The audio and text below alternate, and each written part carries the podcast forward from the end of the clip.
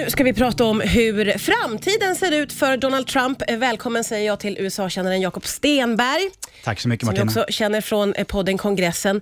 Eh, ja, Donald Trump han drog sig tillbaka kan man väl säga lite grann efter att han lämnade Vita huset. Men så poppade han upp eh, och höll ett tal eh, för några dagar sedan på en slags konservativ eh, Mm. Ja, det finns det är, en, det är en årlig konservativ konferens som heter CPAC, där Donald Trump höll ett stort linjetal, eller ett, han avslutade hela konferensen med ett långt eh, tal. Det var ju första gången vi hörde av honom i princip sen, eh, sen Biden blev president. Och vad var det han eh, ville, eh, vad ville han liksom få ut i det här Ja, han vill, talet? det, det var väl egentligen två saker. Han ville säga att de här fyra, fem veckorna sedan Biden blev president har varit en total katastrof och så var det inte under hans fyra år som president. Och det andra var att han, att han, eh, eh, han, ville, han, han, han menar ju att valet har gått felaktigt till. Ja, han Och- håller fast Han håller fast det. det och det var mycket spekulationer inför det. Att kommer han säga detta? För det, är, det stämmer ju inte. Inte- man hittar ju inte några bevis på att det har varit, varit ett sånt utbrett valfusk så att, så att han skulle ha förlorat på grund av det. Mm. Men det fortsatte han prata om och han, han, eh, han attackerade högsta domstolen och sa att de var fega och sådär. Så att det var ju de två sakerna, attack mot Biden och attack mot, mot valutgången egentligen. Mm. Eh, och sen var det lite andra saker också, men det är de två stora grejerna man kan ta med sig. Och Det har ju liksom spekulerats mycket kring eh, vad han kommer att ta för väg. Mm. Innan eh, så har man ju pratat om om han kommer att starta ett nytt parti, eller Mm. kommer han att starta en TV-kanal, kommer han att ställa upp igen? Mm. Eh, nämnde han något av det här i talet? Ja, han, han tog upp det här, spekulationerna kring om han ska starta ett nytt parti och då sa han att varför skulle jag göra det? Vi har ju Republikanerna och det har han ju helt rätt i, för att han är den i särklass mest populära republikanen i USA. Och det märkte vi på den här konferensen, att eh, allting handlade om honom, allt kretsade kring honom. Sen finns det väldigt många republikaner som inte gillar Trump, men ingen kan mäta sig i hans popularitet. Men han har ett starkt stöd menar du? mycket starkt stöd i Ja, det är så fortsatt. Ja, absolut. Han är en klar majoritet av republikanerna skulle välja honom igen. Så att, absolut, och det finns inte heller någon som riktigt utmanar honom heller. Sen ska vi komma ihåg, det är långt till nästa val och nästa år är det mellanårsval och sen först två år senare är det presidentval, så det är långt dit. Men han är den i särklass eh, eh, populäraste rep- republikanen i USA. Och indikerade han någonting om han vill ställa upp igen? Han hintade om det eh, och det tror jag vi kommer se mycket framöver. Att han vill, det är också ett sätt för honom att få dig och mig att prata om detta och alla medier. Att han, han ger inga svar på det, men han hintar om att ja, jag kanske gör det, vi får se. Så att eh, det lär vi se mycket mer av eh, framöver. Jag är inte helt säker på att det blir så, men, men eh, Donald Trump vet ju vad han säger och vad han gör. Ja. ja, det är ju ett tag kvar som du säger. Jag fick lov att ställa en dum fråga till dig innan vi började här, för det slog mig att Mm. eh, han är ju inte partiledare så som vi har här i Nej. Sverige, eller hur? Nej, man har inte riktigt det systemet i USA. Däremot kan man ju säga att han är den, den informella partiledaren för, en del av republikanerna. Eh, han har ju ingen politisk position rent formellt, men han har ju en väldigt stor, eh, starkt inflytande ändå och kommer nog vara kungamakare i många, eh, många primärval när republikanska eh, kandidater ställer upp.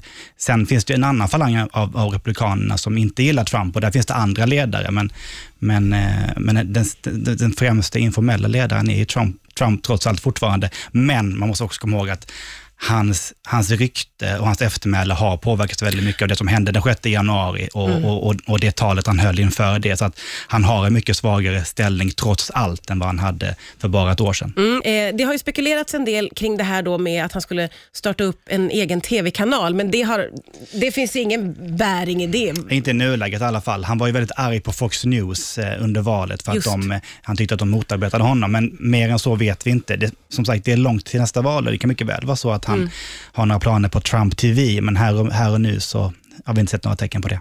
Eh, om det skulle vara så, eh, och det här har vi också hört lite rykten om då, att han själv inte skulle ställa upp, Mm. eh, så har man förstått att han kanske vill knuffa fram någon familjemedlem.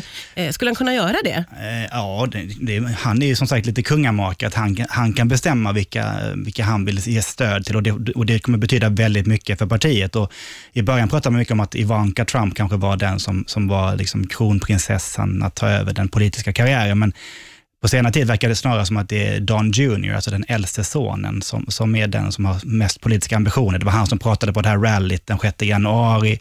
Eh, han har byggt en egen eh, fanbase, eller liksom väljarbas inom mm. Republikanerna, där han har gjort sig känd som en ganska hård för eh, retoriker och så. Eh, så om det är någon i familjen, eh, av, av, hans barn, så, så, är det nog han. Det finns även snack om, om Lara Trump, som är gift med Eric Trump, som, som också har ambitioner. Så det, det, finns, jag, jag tror absolut att vi kommer att se många eh, i alla fall en eller två Trump-barn eller medlemmar i familjen framöver som på ett eller annat sätt, kanske inte ställer upp i presidentval, men det finns ju, det finns ju andra val till guvernörer och senatorer och så, så det tror jag absolut. Hur viktigt tror du att det är för Trump-familjen att fortsätta ha den här typen av makt?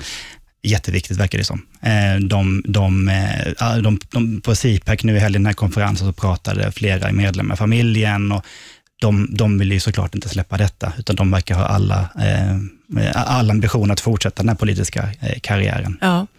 Kan vi gå tillbaka till att prata mm. lite grann om stödet för Donald Trump? För eh, Som du sa då så har han ett väldigt starkt stöd, mm. eh, men de som inte stöttar honom, eh, hur, hur resonerar de om framtiden tror du? Ja, de, Inom eh, partiet då? Ja, men precis. De vill ju ehm, såklart inte att Trump ska ställa upp igen. Vi såg ju att det var ganska många republikaner ändå som röstade för att fälla Trump i riksdagsprocessen. Det var absolut eh, väldigt få, om man ser till antalet som röstade för, men, men det var ändå eh, sju senatorer från Republikanerna som ville att Trump skulle fällas. Mm.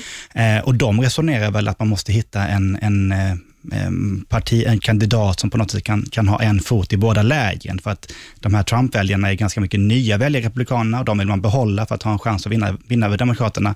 Men man vill också eh, locka eh, traditionella republikanska väljare. Till exempel kvinnor i villaförorter har man tappat på senare tid. Det är en viktig grupp att vinna tillbaka och så. så att, de resonerar väl att man måste hitta kandidater som inte är lika polariserande som Trump, men, därmed, men, men, men ändå behålla hans väljare. Och det, Oj, går det? Ja, det är en väldigt bra fråga. Hade man haft ett svar på det som, så, vet man, så, så, skulle man ju vinna massa pengar. Men, men jag tror att man ska också ha respekt för att det händer väldigt mycket och man tror att nu är saker på ett visst sätt, nu kommer det vara så här, men jag hade ingen känsla för att Trump skulle bli deras kandidat och än mindre president. Mm, det var likadant med Obama, så, så att det kan hända väldigt mycket på, på kort tid. Och mm. När man räknar ut ett parti, så fyra år senare sitter de ofta i Vita huset. Så att Ja, just det. Eh, det är väldigt mycket som har förändrats de här fyra åren med mm. eh, Trump i Vita huset. Eh, och Lite grann så tänkte väl jag att eh, när han flyttar ut, då kommer det där att mattas av. Men han, han, är ju han syns och hörs ju fortfarande. Hur påverkar det, tror du? Jo, det gör han. Och nu har vi det här talet färskt i minnet såklart, men hans viktigaste plattform de här fyra åren och dessförinnan var ju Twitter. Ja. Trots att han satt i Vita huset. Ja, exakt. Precis, exakt. Men det var ändå Twitter och han ja. har inte det längre och, och Twitter har ju portat honom för alltid där. Och jag tror inte man ska underskatta det, för att det var ju hans sätt att styra narrativet. Även innan han blev president, när han attackerade Obama och sådär, då var det Twitter han använde. Nu har han inte det och, och media snappar inte upp hans tweets på samma sätt. Han får inte alls samma genomslag. Jag tror att han kommer hitta vägar för att få det ibland, men inte alls lika ofta, utan det här verktyget har tagits ifrån honom. Ja. Eh, och han får väl hitta andra lägen att prata om, så här, och det, det pågår en, en, en, intressant diskussion i USA på flera mediehus, hur man ska bevaka Donald Trump. Ska man, ska man livesända hans eh, tal till exempel? Är det nyhetsvärde eller ska man rapportera om dem efteråt? Och där har de valt lite olika vägar. Eh, just för att han är ju inte president, han har inget valt ämbete. Är ett tal med honom värt att sända live? Så att sådana diskussioner kommer vi nog höra mycket framöver, tror jag. Men det här med att han har ändrat retoriken så mycket, hur påverkar det den fortsatta politiken? Ja, det är en bra fråga. Um, um, dessvärre tror jag att det påverkar ganska mycket. Man hör ju många som har ett liknande ordval som han har, hur man pratar om politiska motståndare och så. Det verkar ju vara här för att stanna. Eh, det här väldigt uppvridna ja, läget. Liksom. I alla fall i viss del av, av, politiken. Jag tror inte man, de, de allra flesta är ju inte så, men det finns ändå trots allt en grupp som, som pratar på ett liknande sätt och med en väldigt uppskruvad retorik och en ganska eh, ja, men hårdför linje mot sina motståndare, att de ska låsas in och så. Och mm. det, det vi får väl se om det kanske ändå, ändå trots allt minskar, om, om, om, Donald Trump hörs mindre. Vi får väl se. Ja, men du tror att han kommer att försöka hålla sig relevant ett ja, tag det, till? Ja, det är hela hans DNA att vara det. Han kommer inte finna sig att sitta lugnt i sin, på sin golfklubb och, och, och sådär, utan han kommer göra allt för att synas och det gäller även hans barn. Så vi, vi kommer att få få höra eh, av honom väldigt mycket framöver, men kanske inte så mycket som vi tror trots allt, just för att han inte har de här plattformarna längre. Nej, och det känns ju eh, onekligen ganska skönt, måste jag säga. Samtidigt som det är spännande att han liksom håller sig kvar. Ja, han är ju, vad man än tycker om honom, så är han en person som är svår att bortse ifrån och som ändå attraherar eh, eh, väldigt många människor. Ja. Och han fick ju väldigt mycket röster i valet. Biden fick många fler, men han fick ändå mycket röster och det säger någonting om hans dragkraft trots allt. Mm. Det säger någonting om att jag kommer att ha anledning att bjuda tillbaka dig igen. Tack snälla för idag, Jakob Tack. Tack.